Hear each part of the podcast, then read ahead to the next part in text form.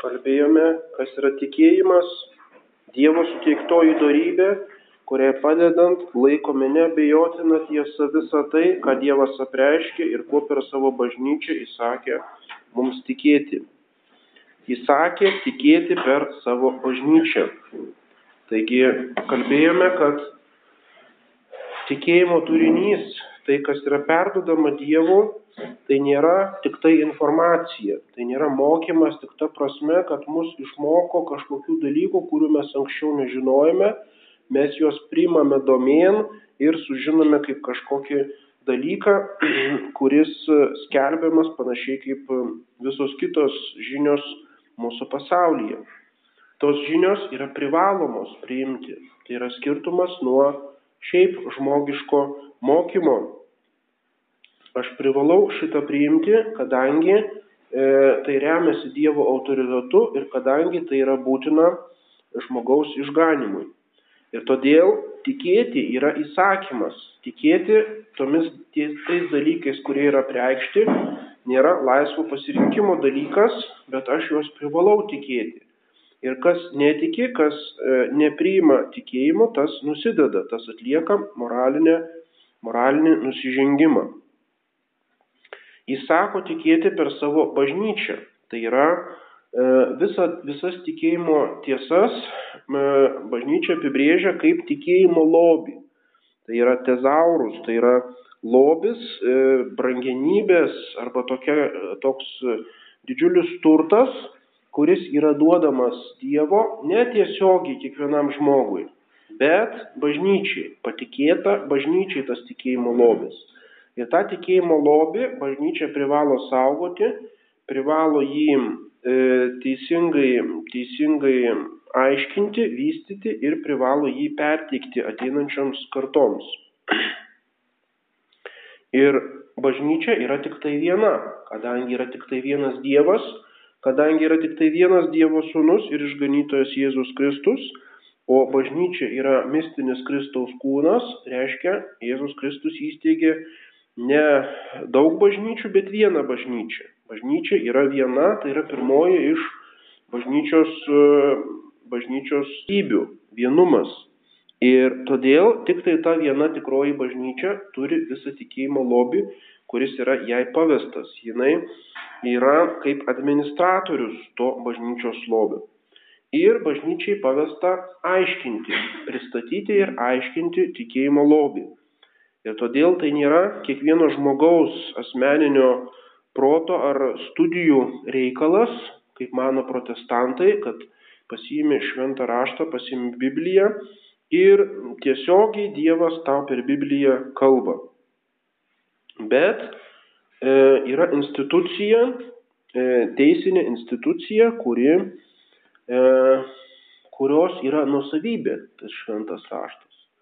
Šventas raštas yra taip kaip, tarkim, pasas. Lietuvos pilietis turi pasą, aš jį nešioju savo kišenį, tą knygutę, bet ant paso parašyta, tai yra Lietuvos Respublikos nusavybė tasai pasas. Tai nėra mano nusavybė. Tai yra jos dokumentas, kuris patvirtina, kad aš esu mm, tos valstybės pilietis. Reiškia, tas, ta knygelė nėra mano nusavybė, tai yra valstybės nusavybė.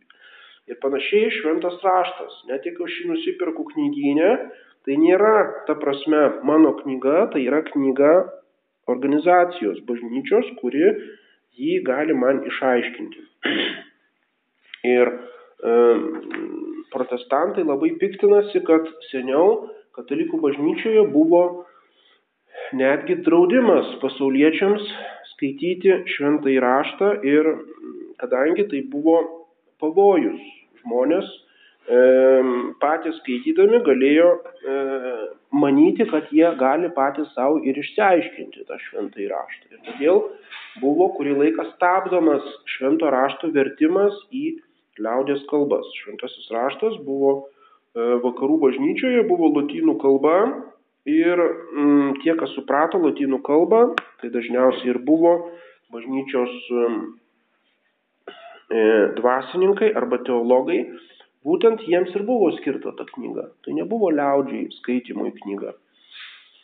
Vėliau vis dėlto, aišku, nebuvo įmanoma to sustabdyti ir bažnyčia jau iš karto 16 amžiui tuo pačiu metu, kai protestantai pradėti oficialūs vertimai į įvairias kalbas švento rašto ir tada žmonės taip pat ėmė skaityti, tas, to, to draudimo nebeliko, tačiau turime suprasti bažnyčios dvasę. Turime suprasti, kad ta knyga nėra skirta betarpiškai mums, kad mes patys ją skaitydami e, išsiaiškintume savo Dievo žodį, kas yra Dievo pasakyta. Tačiau ta knyga turi mums tik tai padėti suprasti bažnyčios mokymą, ką bažnyčia mums moko, kad matytume tą šaltinį bažnyčios mokymo. Ne pats Dievas kiekvienam žmogui pasako atskirai, kuo jis turi tikėti, galėjo būti ir toks būdas, kad Dievas kiekvienam, tarkim, pakrikštytajam reguliariai suteiktų privačius apreiškimus ir jam išaiškintų, ką jisai turi daryti ir kaip turi gyventi. Dievas galėjo ir tokį būdą pasirinkti. Tačiau e, normaliai jis įsteigė išorinę instituciją, išorinę objektyvę mokymo struktūrą, kuri mokina žmogų. Pavedė tai Dievas padaryti Jėzaus įsteigtai bažnyčiai. Ir bažnyčios pareiga skelbti prikštasis tiesas visoms tautoms iki pasaulio pabaigos. O visų tautų ir atskirų asmenų pareiga yra jas priimti ir jomis tikėti. Eikite ir padarykite mano mokiniais visų tautų žmonės, mokydami laikytis viso, ką tik esu jums įsakęs. Tai yra misijų įsakymas bažnyčiai jinai turi eiti ir pirmiausia mokyti.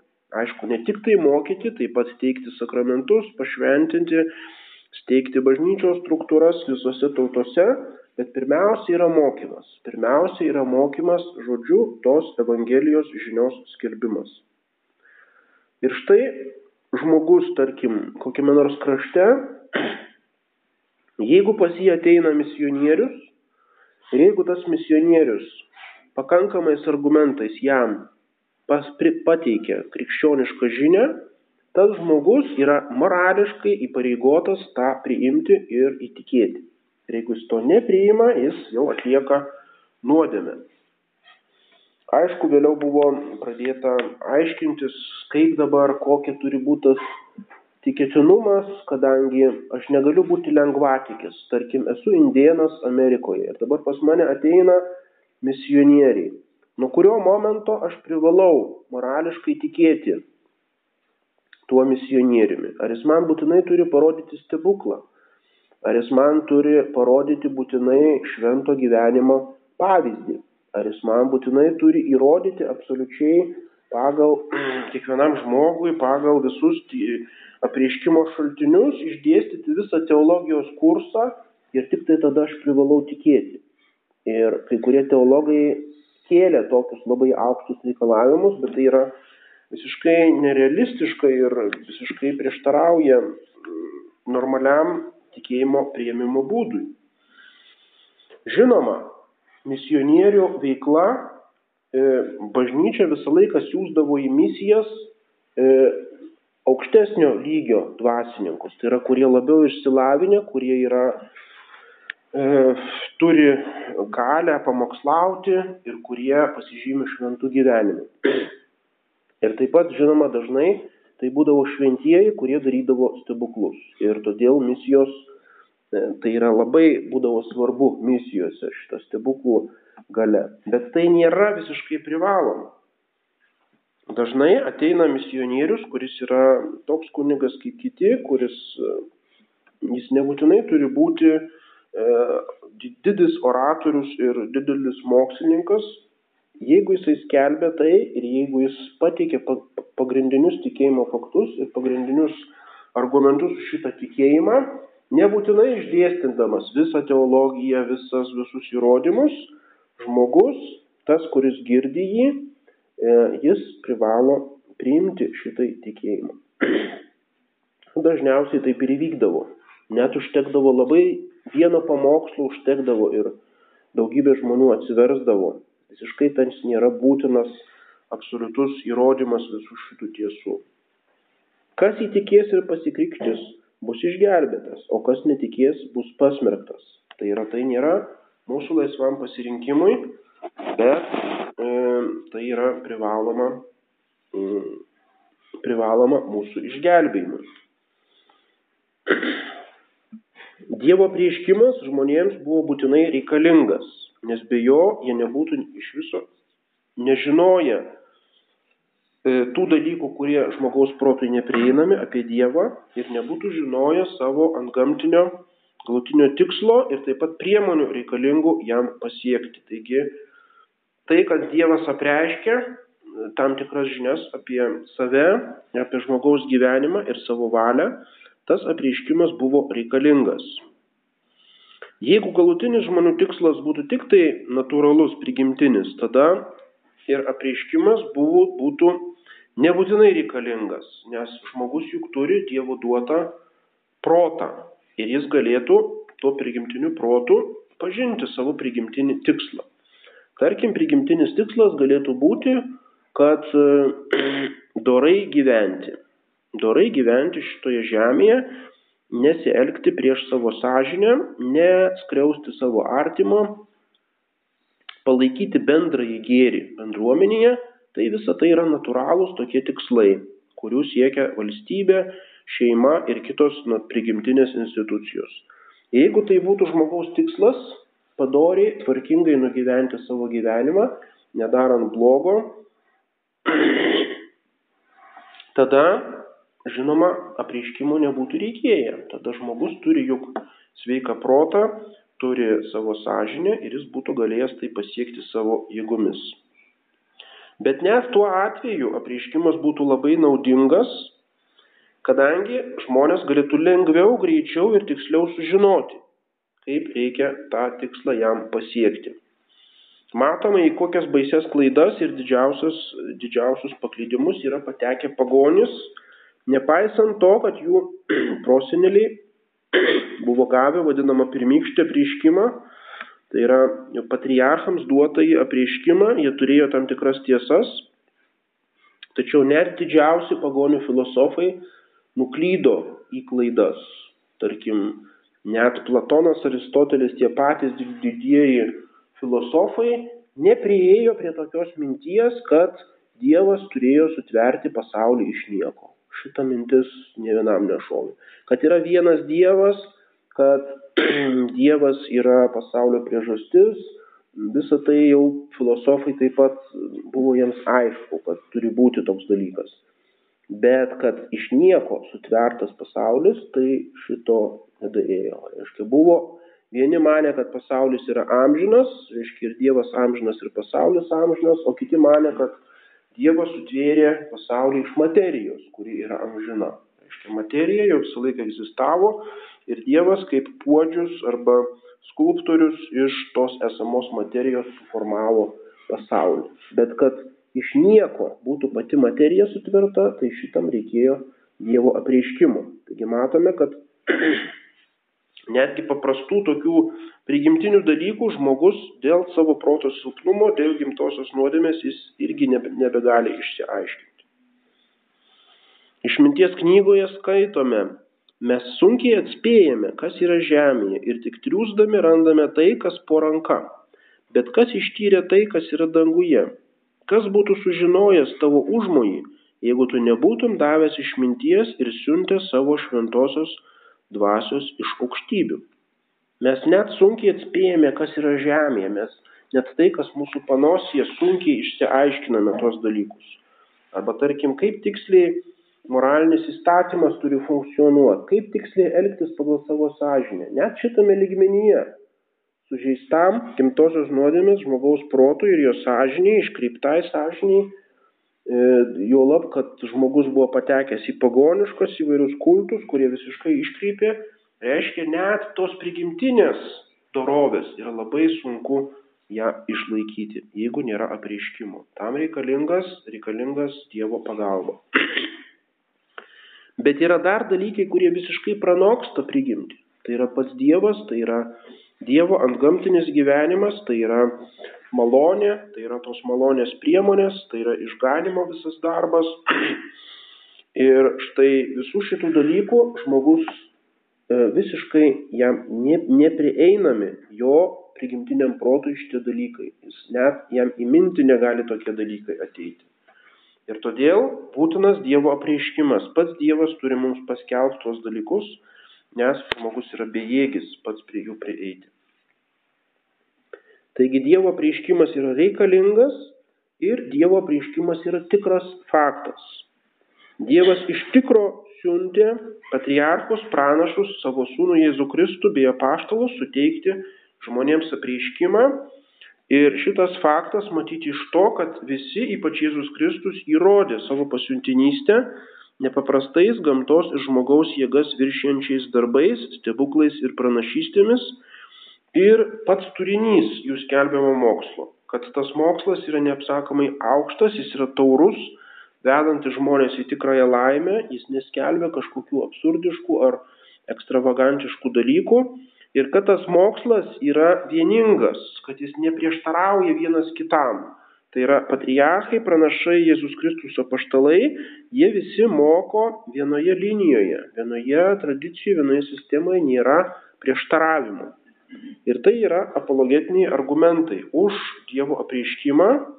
Tai yra Pasiuntinystės ženklai, stebuklai ir pranašystės, tai yra paties mokymo turinio kilnumas, žmogui suvokiamas ir yra to turinio neprieštaringumas, kad vieni pranašai ir vieni ir apaštalai vieni kitiems neprieštarauja. Tarkim, pagal tą argumentą mes galime atmesti islamo teoriją, kuris pripažįsta, kuris sako, taip, taip, buvo pranašai, paskui buvo E, patriarchai, buvo pranašai, paskui buvo Isa, tai yra Jėzus Kristus, paskui buvo apaštalai, jie šitą irgi pripažįsta. Bet, sako, šito viskas nesibaigė, o atėjo dar pranašas Mohamedas, kuris toks kaip viršūnė, karūna, visą tą ankstesnį tų visų mokymą sutraukė į vieną sistemą ir Dievo apreiškimą galutinai užbaigė. Tai yra Korano apreiškimas Tačiau, jeigu paskaitome Koraną, jeigu paskaitome tai Suną arba tą islamo tradiciją, matome, kad jinai visiškai prieštarauja tiek Naujajam testamentui, tiek Senajam testamentui. Ir todėl nėra testinumo, yra vidinis prieštaravimas, o Dievas negali pats savo prieštarauti. Tas pats Dievas negalėjo kalbėti per pranašus ir apaštalus ir tas pats Dievas per Mohamedą ir pats savo prieštarauti. Tai tada musulmonai e, tai aiškina dviem būdais. Aiškina, kad žydai ir krikščionys iškreipė savo visus raštus, bet tai yra visiškai moksliškai neįrodoma, nes buvo daugybė knygų, daugybė autorių, daugybė rankraščių, nebuvo, kad viena knyga, kurią būtų lengva falsifikuoti. Tiesiog tai yra visiškai, visiškai absurdiška teorija, kad žydai arba krikščionys sufalsifikavo Dievo apreiškimą kadangi tai buvo tiesiog techniškai neįmanoma padaryti. O kita, kita teorija, kad Dievas tiesiog savo valią kit, kit, kit, kitaip pareiškia, kitus reiškia, kad krikščionis nesupranta paties Dievo apreiškimo, o mes dabar geriau suprantame. Ir žinoma, tai, tai labai lengva paneigti. Taigi turi būti testinumas, turi būti vientisumas šito Dievo apreiškimo ir patvirtintas stebuklais. O tarkim, islamo religijoje nėra stebuklų. Arba yra tik tai liaudės islame, o tame oficialiame islame stebuklų nėra. Reiškia, nėra jokių stebuklų, kuriais Mohamedas patvirtintų, kad jo skelbiamas mokslas yra iš Dievo. Žmonėms buvo svarbu gauti apreiškimą ir nemažiau svarbu žinoti, kad Dievas jį tikrai davė.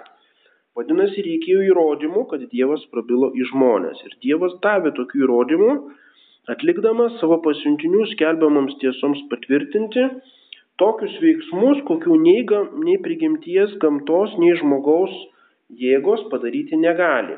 Ir kurie aiškiai rodo, kad čia veikia pats visų daiktų valdovas ir viešpats. Tai yra būtent stebuklai ir pranašystės kaip dieviško veikimo e, ženklai. Jie neleidžia mums abejoti, kad Dievas iš tikrųjų kalbėjo žmonėms ir jiems pranešė, kuo jie turi tikėti ir kaip elgtis. Ir tai buvo nuolat pabrėžiamas Evangelijoje Jėzaus Kristaus argumentas, Jis liepė žydams iš savo nepaprastų darbų spręsti apie jo mokslo kilmę, kilmę ir vertę. Jeigu manimi netikite, tikėkite darbais, kad pažintumėte ir suprastumėte, jog tėvas manyje ir aš jame.